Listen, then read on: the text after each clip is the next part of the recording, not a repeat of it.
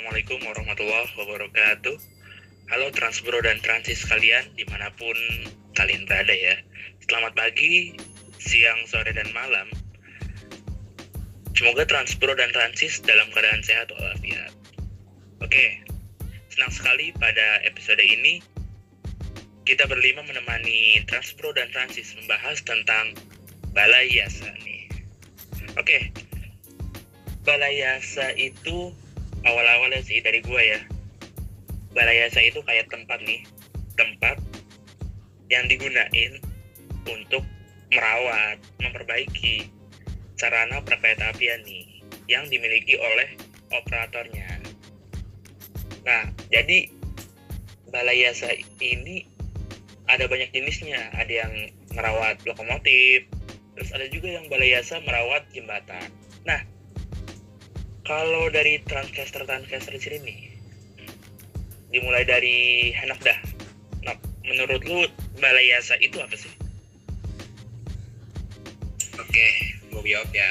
Balai Yasa itu sepenangkapan gue adalah tempat eh, maintenance dari kereta. Sebenarnya sih di dalam depo pun di, kita juga maintenance ya. Tapi kalau menurut gue Balai Yasa sendiri itu untuk maintenance kelas beratnya gitu. Contohnya ada kereta bis PLH, apa ada lokomotif PLH atau mungkin ada kereta klasik gitu pengen direaktivasi. Jadi harus masuk Balai Yasa dulu gitu untuk ya bisa dibilang major overhaul atau mungkin eh, apa ya perbaikan kelas beratnya gitu menurut gua seperti itu. Oke oke. Kalau dari Haikal deh menurut lu apa sih itu balai yasa? Balai Yasa ya? Singkatnya BY kan ya iya baik Bambang Yudhoyono. Eh salah. Eh jangan jangan jangan. Gak gak gak gak ya Balai Yasa ya. Dulu gue sih nggak tahu sih kayak apaan sih Balai Yasa nama kok bagus banget tapi isinya bengkel gitu kan. Bengkel kereta. Ya ternyata pas dilihat gitu ya oh begini bengkel kereta nih. Pas gue dikasih tau oh nih BYK eh BYK terus BY Manggarai. Oh kayak gini bentukannya. Ya kayak untuk bentuk pabrik gitulah tapi isinya ya buat maintenance gitu. Macem-macem ya ada maintenance eh, secara monthly check ataupun secara eh, overhaul itu tahunan. Ya macam-macam ternyata loh isi isi balai yasa tuh. Yang gua tahu awalnya cuman berbau dengan kereta. Nah tapinya ternyata ada juga yang berbau dengan prasarana gitu loh. Nah gue nggak tahu sih tempat-tempatnya di mana aja. Tapi sejauh ini yang gue tahu tuh baru Manggarai sama ini eh Jogja. Itu juga katanya Tegal juga ada. Cuman yang paling gue tahu yang paling besar sih itu doang sih dua itu. Gitu sih jam.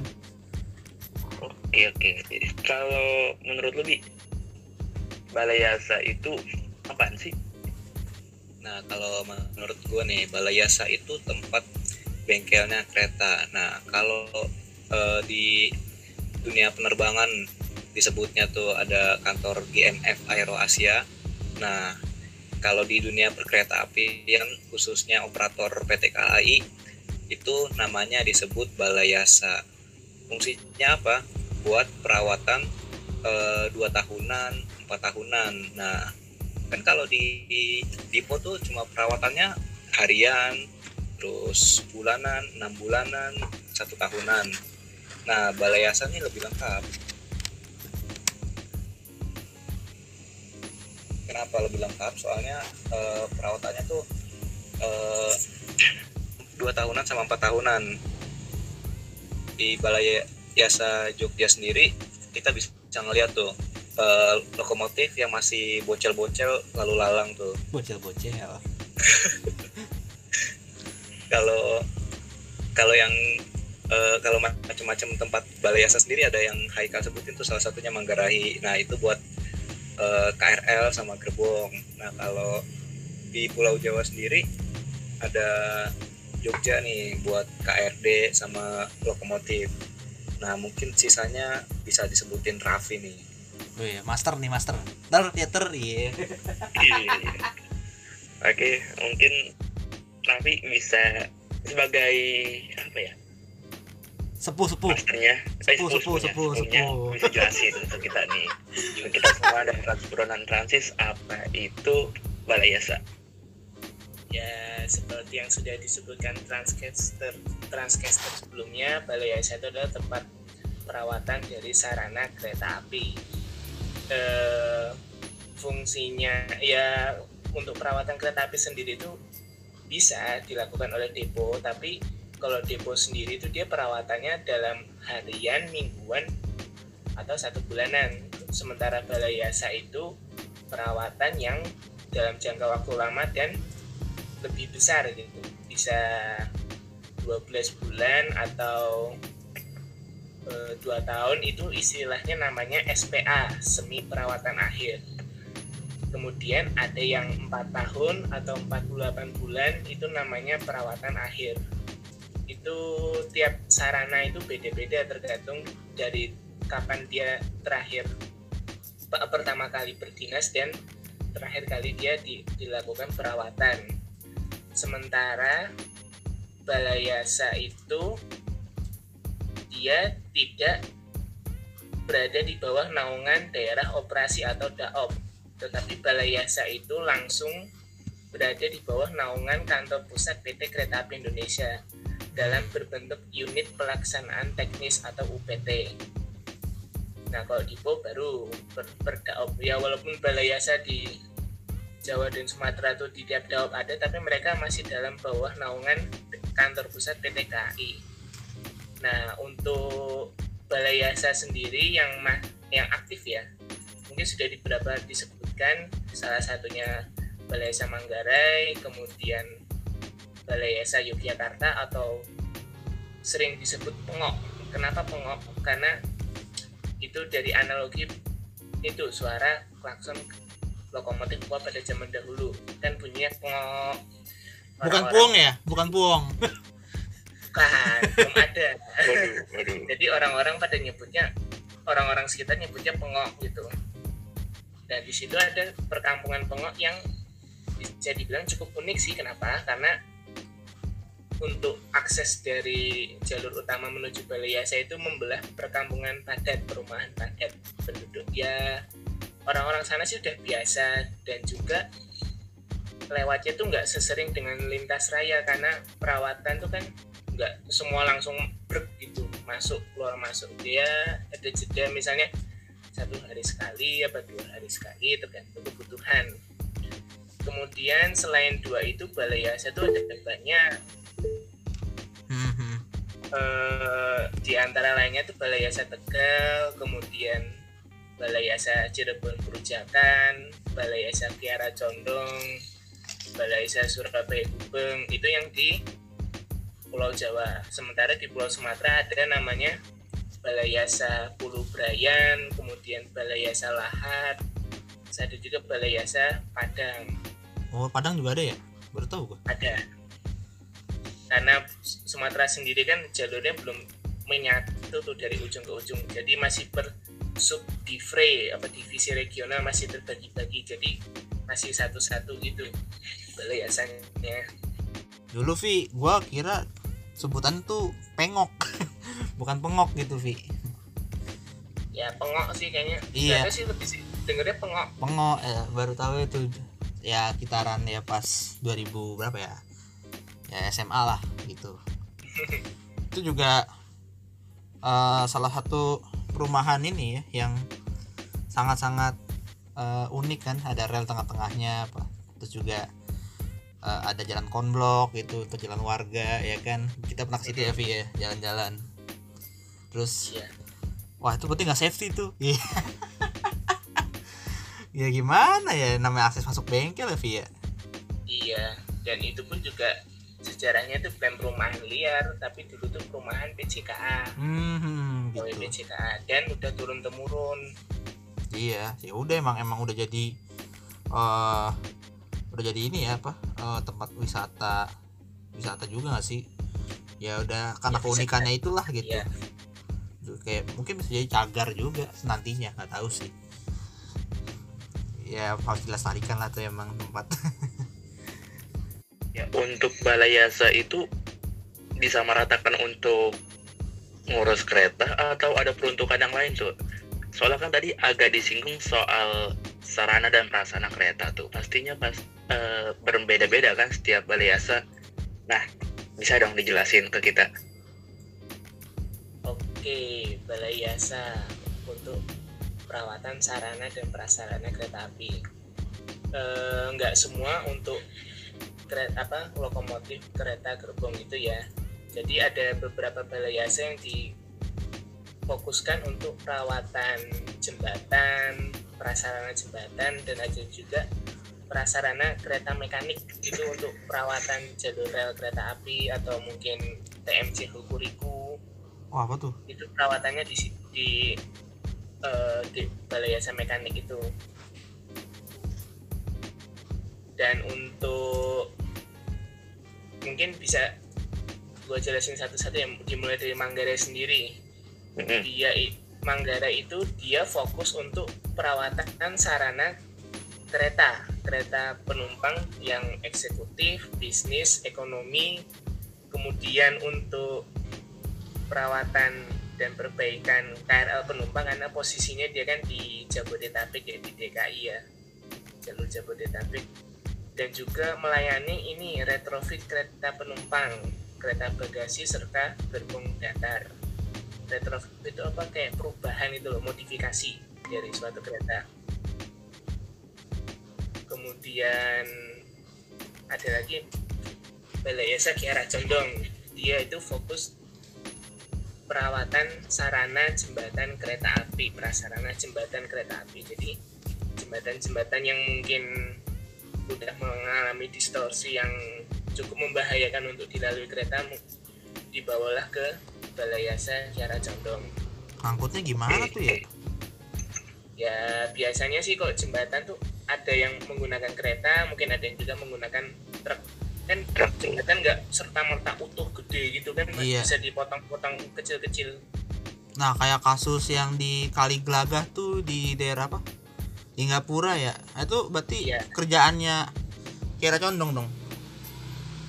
Ya bisa dikatakan iya tapi campur aduk ya ya? sekarang sih belum ada kabar-kabar lagi. Iya itu kelanjutannya gimana dan pihak dari KAI apa eh, penanganannya gitu apakah mengundang pihak Balai Yasa Kiara Condong atau enggak? Terus kemudian lanjut lagi nih ya ke Cirebon Perujakan Balai Yasa Cirebon Perujakan itu dia fokus ke prasarana mekanik kereta api seperti contohnya kereta pemecok balas atau sering dikenal dengan MTT multi tie temper terus ada kereta perapih balas atau PPR kemudian lori inspeksi kan kebanyakan kereta mekanik tuh diesel diesel mekanik gitu. Jadi perawatannya di Cirebon Perujakan. Dan juga karena fokusnya dengan prasarana mekanik bisa jadi sinyal-sinyal mekanik juga dilakukan perawatan di Balai Yasa Cirebon Perujakan. Hmm, hmm, hmm. lalu ada Balai Yasa Tegal Mas. Balai Yasa Tegal sendiri itu fokusnya untuk sekarang itu dia perawatan kereta-kereta bagasi kereta terus kemudian gerbong barang yang mencakupi gerbong datar gerbong tangki atau gerbong terbuka itu semua perawatannya di Balai Yasa Tegal dan beberapa masih ada kereta penumpang baik kelas bisnis, ekonomi, dan eksekutif dilakukan perawatan di Balai Yasa Tegal. Kemudian ada lagi Balai Yasa Yogyakarta, yaitu Balai Yasa Pengok. Hmm, tadi itu tuh deh dia fokus perawatannya itu untuk lokomotif, kemudian kereta rel diesel, diesel, dan kemudian kereta pembangkit atau dan juga kereta makan pembangkit seperti MP1, MP2, KP3, KMP3, MP3. Pokoknya Balai Yasa Yogyakarta itu melaya- hanya melayani perawatan kereta sarana lokomotif KRT dan kereta-kereta yang mempunyai perangkat mesin pembangkit. Kemudian ada lagi Balai Yasa Surabaya Gubeng. Itu juga sama, dia fokusnya untuk perawatan kereta penumpang eksekutif, bisnis, ekonomi, dan juga dia melayani retrofit kereta penumpang, kereta bagasi, serta gerbong datar ataupun tangki. Itu beberapa dari balai yasa yang ada di Jawa yang masih aktif. Kemudian untuk yang di Sumatera sendiri ada balai yasa dimulai dari utara dulu nih. Balai yasa Pu- Pulu Brayan. Dia masuk wilayah divisi regional 1 Sumatera Utara dan Aceh. Mereka fo- fokusnya tuh ke lokomotif, KRT, kereta dan gerbong. Kemudian bergeser ke selatan lagi ke Sumatera Barat. Itu nama ada Balai Yasa Padang atau istilah lainnya itu Simpang Haru Simpang Haru. masuk iya. Masuk dalam eh, naungan divisi eh, divisi masuk wilayah divisi regional 2 Sumatera Barat. Kemudian bergeser ke selatan lagi Balai Yasa Lahar yang masuk ke divisi regional 3 Sumatera Selatan dan Lampung. Ketiganya itu sama fokus untuk perawatan sarana lokomotif KRD kereta penumpang maupun kereta penumpang biasa ataupun pembangkit dan juga gerbong Hmm. Oke, berarti emang untuk peruntukannya itu ada jenis berbeda-beda ya setiap balai yasa, terutama di Iya. Jawa. Nah, tapi kalau di tadi disebutkan itu yang di Sumatera itu sama semua ya, iya Eh, merawat lokomotif, KRD, kereta, sama gerbong. Nah, iya. Misal ada kebutuhan jembatan nih, jembatan di Sumatera, itu tetap dari Balai Yasa yang Kiara Condong atau gimana tuh? untuk di Sumatera sendiri sepertinya mungkin karena kalau harus menunggu dari Kiara Condong itu jauh mungkin tiap ba- balai yasa ketiga yang di Sumatera tadi itu mungkin ada tek teknisinya khusus untuk mengecek jembatan dan juga kereta mekanik Hmm. karena ya yang kita tahu yang mekanik balai mekanik dan balai jembatan kan cuma ada di Jawa sementara di Sumatera itu satu balai itu mencakupi semua jenis sarana Betul. Tapi nih coba nih tanya Henok dulu nih. Pernah ke Pulau Brian gak nih? Nok, pernah kan Nok? Brian sendiri gue belum pernah ke sana sih. Tapi tahu nggak daerahnya di mana? Belum pernah ke sana gue Pulau Brian ya pasti Sumatera aja di PS1. Oh gitu. Gue kira lu tahu gitu kan? Enggak, enggak, enggak. Gue taunya di PS1 cuma stasiun Medan doang. Iya, jelas. Gue juga baru tahu Pulau Brian. Gue kira cuma stasiun doang. Ternyata ada. Hmm. Nah terus Vi, eh apa namanya ya? Kalau misalnya nih kan itu cuman Jawa, Sumatera gitu. Kira-kira kalau misalnya perkereta apian itu berekspansi gitu di luar Jawa dan Sumatera tuh perlu juga nggak sih balayasa gitu? Loh pendapat lu? Ya yang jelas sangat perlu. Kan kereta dan pra- sarana dan prasarana kereta itu kan memerlukan perawatan setiap dalam jangka waktu tertentu untuk menjaga kualitas dari sarana dan prasarana tersebut agar memiliki performa baik dalam dalam digunakan untuk melayani penumpang ataupun barang. Itu sangat perlu banget wajib. Wajib ya ya fardu. seperti kita apa mobil kan perlu ke bengkel kan rutin berapa tahun apa berapa bulan sekali untuk perawatan Ganti oli. mesin atau ganti oli. Iya sama lah ya kayak gitulah ya iya Nah, nah terus eh, tadi yang soal mekanik nih. Nah, berarti kan tadi lu sempat bilang soal sinyal mekanik kemungkinan besar di situ juga di dirawat di situ. Nah, Iya. kalau kayak sinyal-sinyal elektrik itu urusannya udah bukan sama eh, balayasa kah gitu atau gimana, Vi? Urusannya beda lagi ya? Kalau elektrik sih kayaknya belum pernah dengar untuk balai yasanya gimana atau perawatannya gimana kayaknya mereka kan punya kantor sinyal elektrik itu kan macam-macam ya pabrikannya ada yang Siemens. uh, Land Industri ada yang Seal Mm-mm. terus ad- ada yang apa Sim Siemens, Siemens ya macam lah ya macam-macam Mm-mm. itu tergantung ya dari perusahaan itu sendiri berarti ya nggak nggak terikat Iya. sama si KAI gitu contohnya. Wah. Nah terus kalau misalnya ini ada kereta cepet tuh kereta cepet kan lagi dibangun nih. Berarti kalau misalnya eh kan cuman dari Jakarta Bandung gitu ya. Cuma ada depo dekat Ranca Ekek nah kira-kira kalau misalnya depo tersebut eh, di difungsikan juga ada semacam seperti balai yasa gitu kalau pandangan lu juga Vic itu perlu atau eh, bisa di, dijadiin seperti balai yasa gitu si si depo itu gitu. Tapi kan nggak nggak menutup kemungkinan juga kalau misalnya itu kereta cepat jaringannya berekspansi gitu di Pulau Jawa ini ataupun mungkin di Pulau Sumatera. Ya nggak sih? Iya. Berarti bisa juga ya? harusnya sih bisa tapi tergantung dari pihak kereta cepatnya sendiri untuk perawatan sedang kecil sedang besarnya itu apakah di depo atau mungkin perlu membangun balai yasa di suatu lokasi di tertentu Mm-mm. itu kembali lagi ke itu soalnya kita kan masih belum tahu kan pandangannya kereta cepat in- nanti itu bakal kayak gimana yang Yes. beroperasi di sini Yes, yes, yes. Oh iya, benar juga sih. Tapi kalau misalnya untuk kereta-kereta perkotaan cukup depo aja kali ya. Nggak perlu. Perawatan harian Iya, bulanan ya iya kayak gitu kayak depo MRT, depo LRT, segala macem gitu. Ya tumplok di situ lah. Mungkin eh, kalau kayak KRL juga balai yasa masih perlu.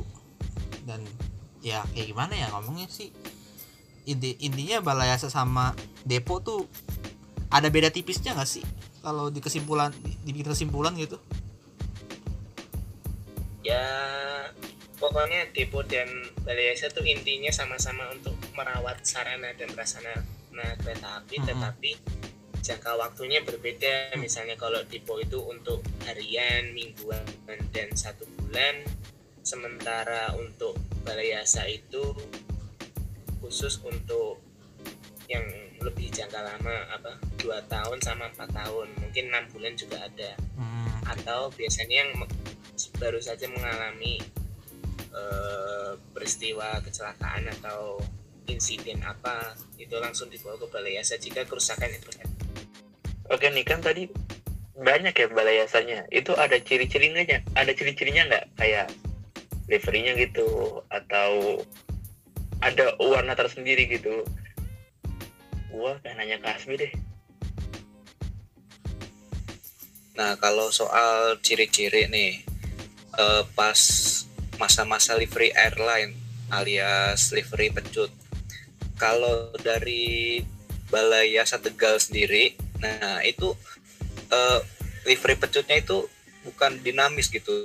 Maksudnya dinamis tuh si pecutnya itu nggak tumpul, agak tajam dia.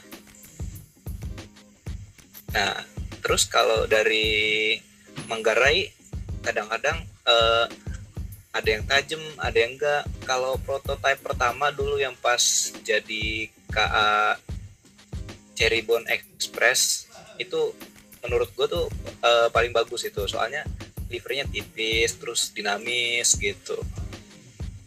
Kalau dari eh, Balai Yasa Surabaya Gubeng eh, livernya sih menurut gue nggak tajam-tajam banget sih. Nih mungkin eh, Raffi bisa nambahin nih livery contoh-contoh liverynya. ya untuk ya balai yasa itu kadang kan nggak bisa sama gitu menyinkronkan antara balai yasa satu dengan lainnya mesti ya balai yasa itu punya ciri khasnya masing-masing misalnya Gubeng itu untuk yang zaman livery airline-nya bentuknya lebih ke apa apa lekuknya lebih lebih tajam apa lebih melengkung.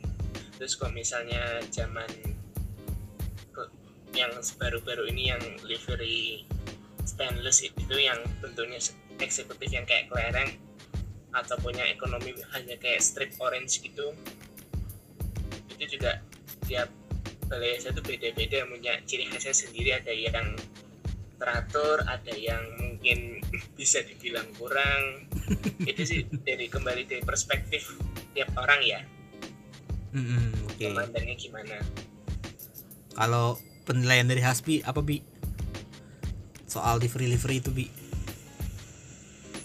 Kalau soal livery livery ya mungkin emang ada yang bikinnya secara manual mungkin. Jadi karena itu beda-beda soalnya ada yang eh, garisnya terlalu ke atas lah terlalu ke bawah lah mungkin karena bikinnya manual atau diukurnya kurang pas gitu. Soalnya kan livery livery eh, ke sini ke sini tuh lama-lama makin ribet gitu. Kan kalau dulu cuma kayak ombak biru agak simpel tuh. Nah kalau sekarang kan banyak garis-garisnya mungkin orang balai yasanya juga mumet kali aduh gimana ini? Lah nutrisari gimana? Nutrisari banyak kan warnanya garis-garisnya. Banyak tuh bi. Nutrisari bi Ka- tapi kan lebih gede-gede gitu. Ini kan Oh. kalau livery livery yang baru ini kan livery klereng lebih kecil garisnya. Oh iya iya gitu ya gitu ceritanya gitu. Kalau yang livery K3 yang baru nih yang lurus doang begitu mungkin lebih gampang dibikinnya. Soalnya cuma satu strip lurus doang gitu. Mm-mm. simple gitulah.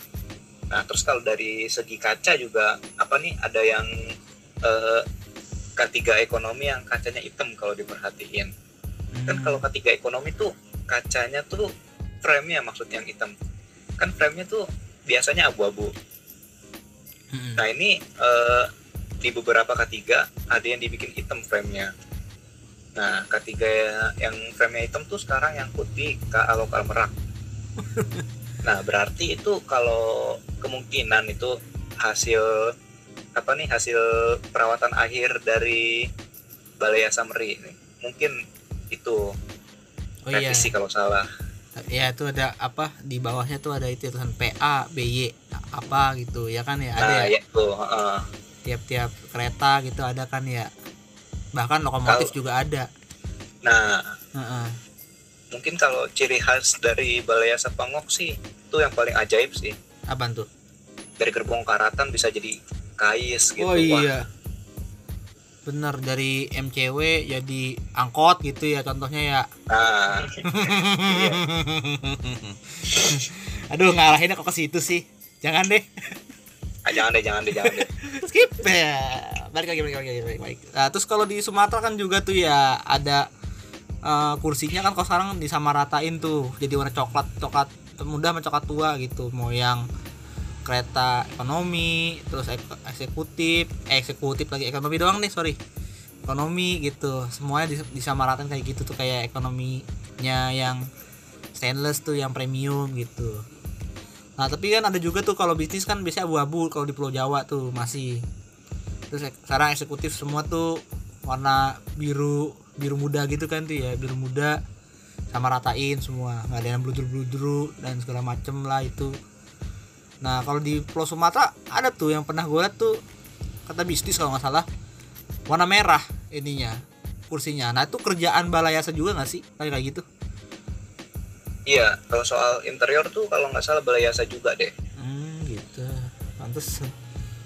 Itu kalau nggak salah tuh yang merah tuh K1 ya? K1 apa K2 K2 yang di itu di free 3 ya kan ya Vi ya? Di free 3 ya Vi tapi K1 kayaknya juga pernah ada deh yang pakai. Kulit merah. Set. iya.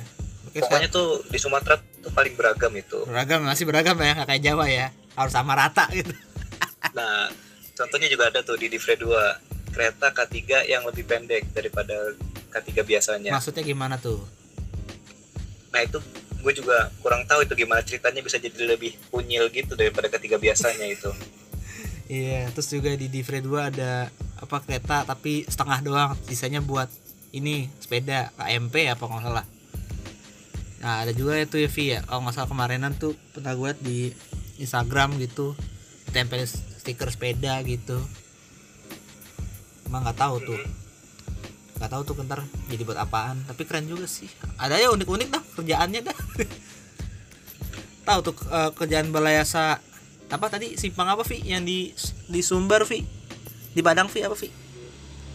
Balai yasa Padang atau istilah lainnya simpang haru Simpang Haru oh ya itulah tadi eh, sempat dibilang balai yasa yang masih aktif. Nah, berarti ada dong balai yasa yang udah nggak aktif. Nah, kalau emang ada, apa aja dah?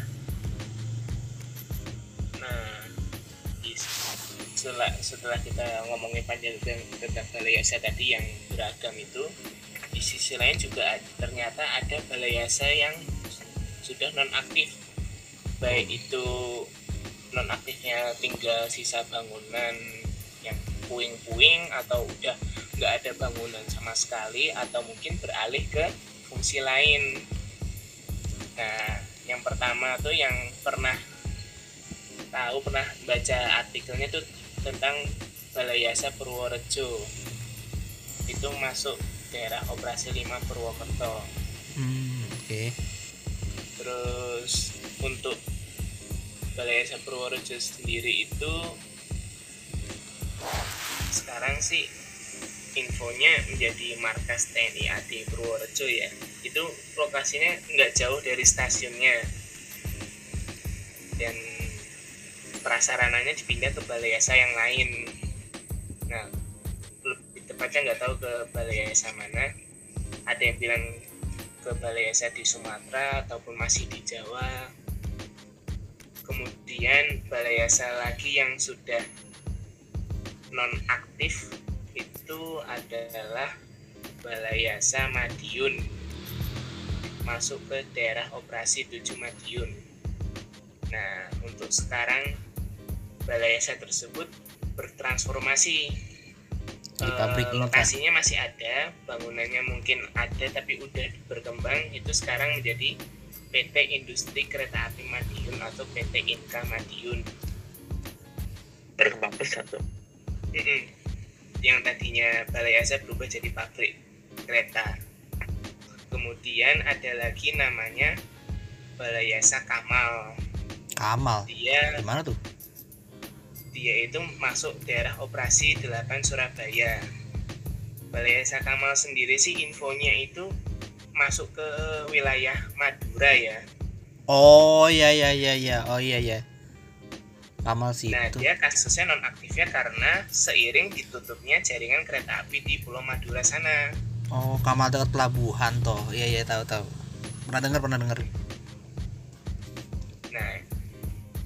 Kemudian setelah Kamal ada lagi nih Balai Asa Semarang. Atau nama Belandanya apa nama dahulunya tuh Penggapon SJS itu milik da- apa masuk ke daerah operasi 4 Semarang. SJS. Eh, untuk itu balai yasa tersebut dinonaktifkan itu karena ya seperti kita tahu wilayah Semarang itu kan sangat dekat dengan laut Iya. dan tanahnya lebih apa datarannya itu lebih rendah dari permukaan air laut maka sering terjadi yang namanya banjirop ya seperti yang kita tahu stasiun-stasiun tertua Semarang kan banyak sekali yang terpendam air laut sehingga kan banyak yang nonaktif. Begitu juga dengan Balai Yasa Pegapon SJS Semarang. Itu ditutup karena akibat hilang terendam banjir rob air rob dari laut Utara Jawa. gitu. Lalu setelah Sem- Semarang Pegapon SJS tadi ada lagi Balai Yasa Sigli. Oh di Aceh ada ya. Sigli itu dia masuk di visi regional satu Medan. Nah, betul kata Mas Haikal di Aceh itu ditutupnya karena seiring seiring penutupan jaringan kereta api di Aceh. Kemudian ada lagi Balai Yasa Pare. Pare itu kok dilihat kan lebih dekat dengan kota Kediri ya. Kediri jalur Kediri Pare. Masuknya dia Daob 7 Madiun. Nah, untuk alasannya itu masih belum banyak yang tahu gitu loh.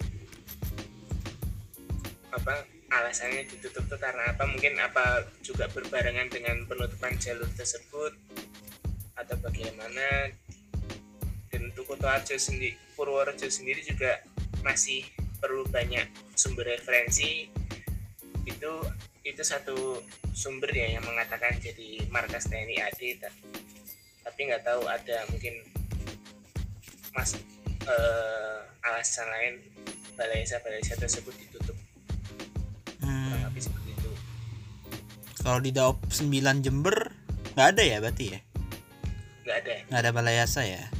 Karena hampir lengkap tuh kan. Bandung ada Jakarta ada di Daop 3 ada 5 5 nggak ada ya 4 juga nggak ada tapi 6 ada. Lima tuh balaiasa tegal. Oh ya Tegal ya Tegal. Oh ya Tegal masuknya 5 ya.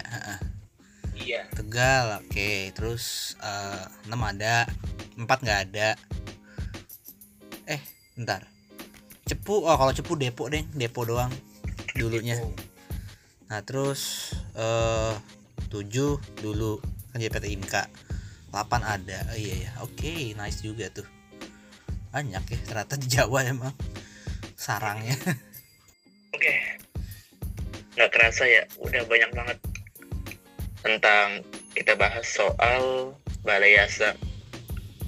Mungkin Transpro dan Transis jika ada masukan soal balai yasa bisa DM kami. Dan mohon maaf juga jika kami dalam penyampaiannya agak kurang karena kan kita sebagai manusia itu tidak pernah sempurna. Kesempurnaan itu milik Tuhan kepada Transpro dan Transis terima kasih telah mendengarkan episode ini stay safe and healthy. Wassalamualaikum warahmatullahi wabarakatuh